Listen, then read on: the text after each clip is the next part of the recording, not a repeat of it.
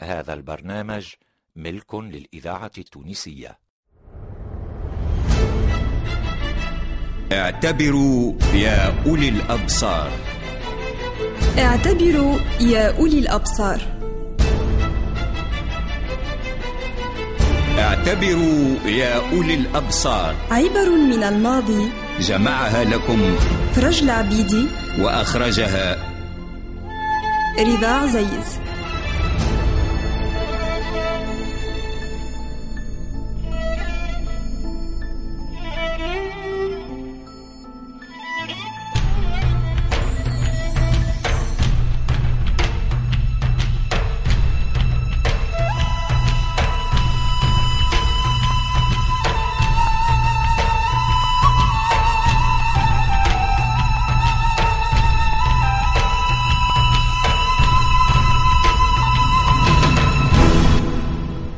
جرى بين هارون الرشيد وبين ابنة عمه زبيدة مناظرة وملاحاة في شيء من الأشياء.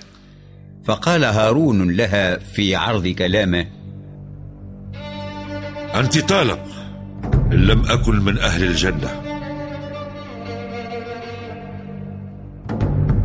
ثم ندم واغتم جميعا بهذه اليمين. ثم كتب إلى سائر البلدان من عمله أن يحمل إليه الفقهاء من بلدانهم. فلما اجتمعوا جلس لهم وأدخلوا عليه.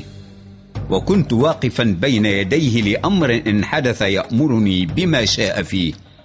فسألهم عن يمينه وكنت المعبر عنه. فأجابه الفقهاء بأجوبة مختلفة. وكان إذ ذاك فيهم الليث بن سعد في من أشخص من مصر. وهو جالس في آخر المجلس لم يتكلم بشيء.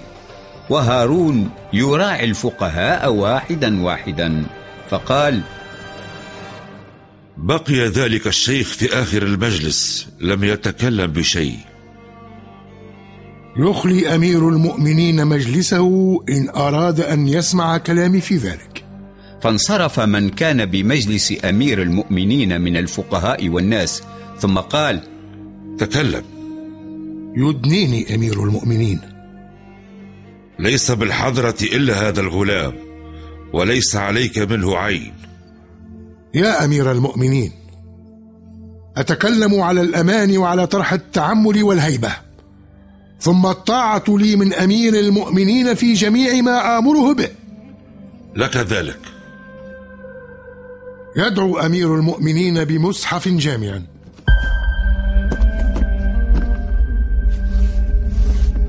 يأخذه أمير المؤمنين فيتصفحه حتى يصل إلى سورة الرحمن.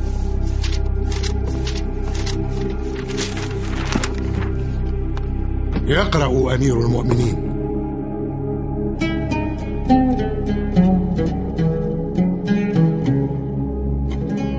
ولمن خاف مقام ربه جنتان. قف يا أمير المؤمنين ها هنا.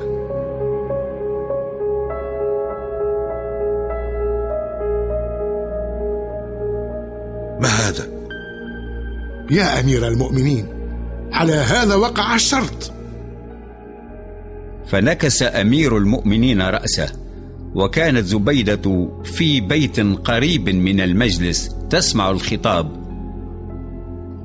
تقسم يا أمير المؤمنين بالله. والله الذي لا إله إلا هو الرحمن الرحيم. إنك يا أمير المؤمنين تخاف مقام الله.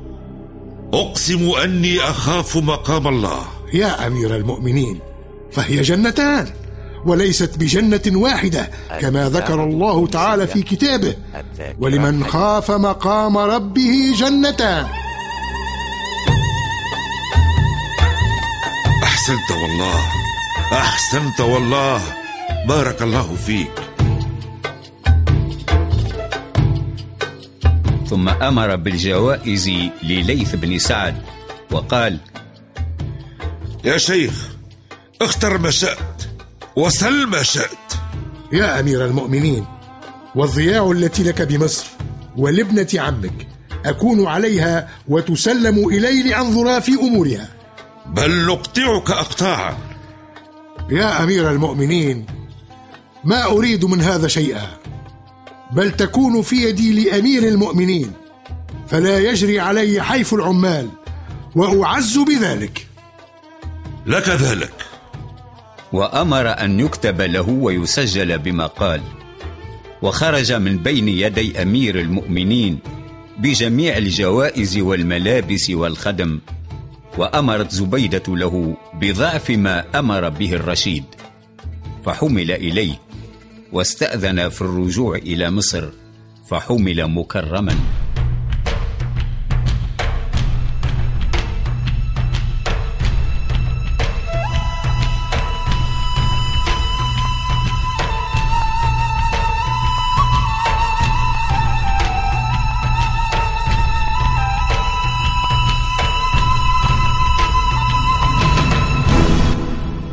عندما تولى عمر بن عبد العزيز الخلافة نظر في بيت مال المسلمين ثم نظر إلى ما في يده ثم نظر إلى ما في يد أمراء بني أمية فدعا زوجته فاطمة ابنة الخليفة عبد الملك بن مروان فسألها. اختاري يا فاطمة. أي شيء أختار يا أمير المؤمنين؟ إما أن تختاري الذهب والجواهر والزمرد ومتاع الدنيا وأما أن تختاري عمر بن عبد العزيز. والله لا أختار عليك أحدا يا أمير المؤمنين. هذا ذهبي وتلك ثياب زفافي المرصعة بالماس والزمرد. ولكن يا عمر أين تريد الذهاب بها؟ سأذهب بها إلى بيت مال المسلمين لتكون للفقراء والمساكين. جعلني الله وإياك يا عمر فداء لله ورسوله.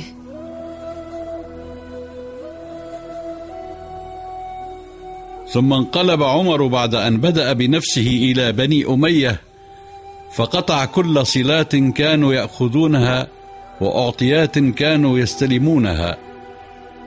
فبيت المال إنما هو بيت مال المسلمين ليس ببيت مال عمر ولا بمال الأمراء.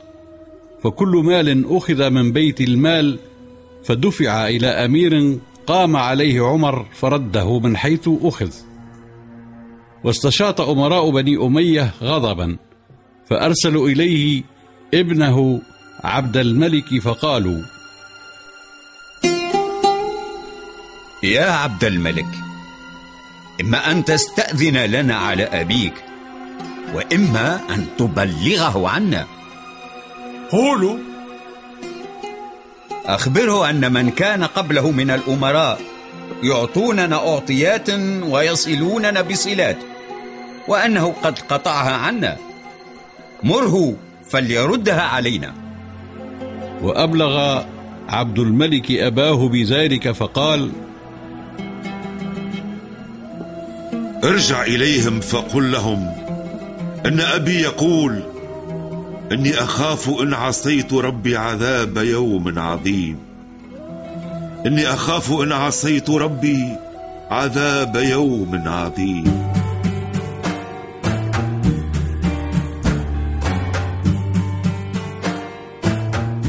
وعندما مات عمر وتولى الخلافة بعده يزيد بن عبد الملك أخو فاطمة قال لها يا فاطمة أنا أعلم أن عمر أخذ مالك كله ووضعه في بيت المال. أتأذنين لي أن أعيده إليك؟ ماذا تقول يا يزيد؟ أتريد أن آخذ شيئا وضعه عمر في بيت مال المسلمين؟ فوالله الذي لا إله إلا هو لن أعطيه حيا وأغضبه ميتا ابدا.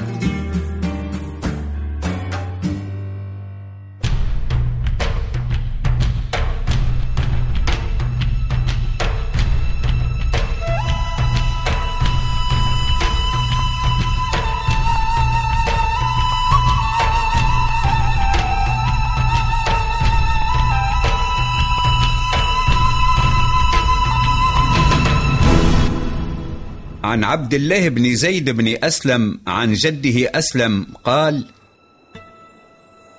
بينما أنا مع عمر بن الخطاب وهو يعس المدينة إذ أعيا واتكأ على جانب جدار في جوف الليل وإذا امرأة تقول لابنتها يا ابنتاه قومي إلى ذلك اللبن فامزجيه بالماء. يا أمتاه وما علمت ما كان من قرار أمير المؤمنين اليوم؟ وما كان من عزمته يا بني. إنه أمر مناديا فنادى ألا يخلط اللبن بالماء. يا بني قومي إلى اللبن فامزجيه بالماء فإنك بموضع لا يراك عمر ولا منادي عمر. يا أمتاه ما كنت لأطيعه في الملأ وأعصيه في الخلاء. وعمر يسمع كل ذلك فقال يا أسلم علم الباب واعرف الموضع. ثم مضى في عسسه حتى أصبح. فلما أصبح قال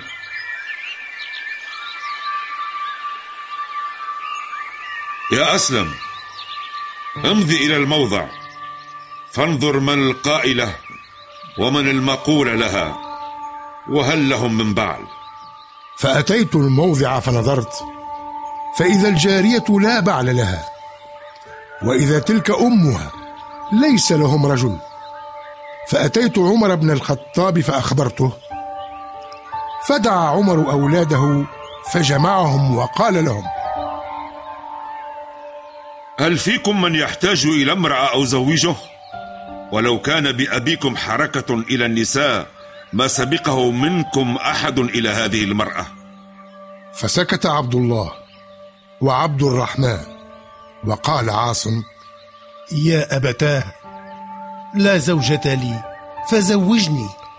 فبعث عمر إلى الجارية فزوجها من عاصم فولدت لعاصم بنتا وولدت تلك البنت عمر بن عبد العزيز.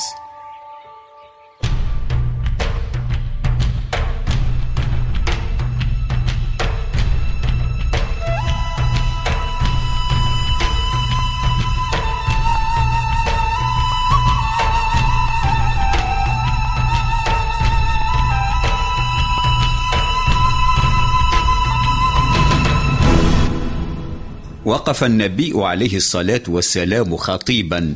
يحث الصحابة رضوان الله عليهم على الإنفاق والصدقة. وكان من بين هؤلاء الصحابة عمر بن الخطاب رضي الله عنه الذي انشرح صدره وتهلل وجهه لأنه وافق مالا عنده. فقال عمر اليوم أسبق أبا بكر رضي الله عنه. فقام مسرعا يسبق الريح ثم عاد وقد تعلقت بيده سرة كبيرة من المال وضعها بين يدي رسول الله صلى الله عليه وسلم. الإذاعة التونسية نظر النبي إلى هذه السرة الكبيرة ثم استقبله بنظرة قائلا ما أبقيت لأهلك يا عمر؟ فأجابه أبقيت لهم مثله.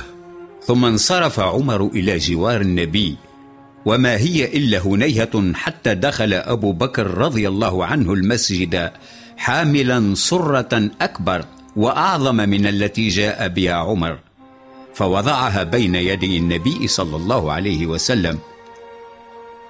ابتسم النبي صلى الله عليه وسلم قائلا ما أبقيت لأهلك فأجابه بكلمات خاشعة. أبقيت لهم الله ورسوله. حرك عمر رضي الله عنه رأسه إعجابا بالصديق وقال لا أسبقك إلى شيء أبدا يا أبا بكر.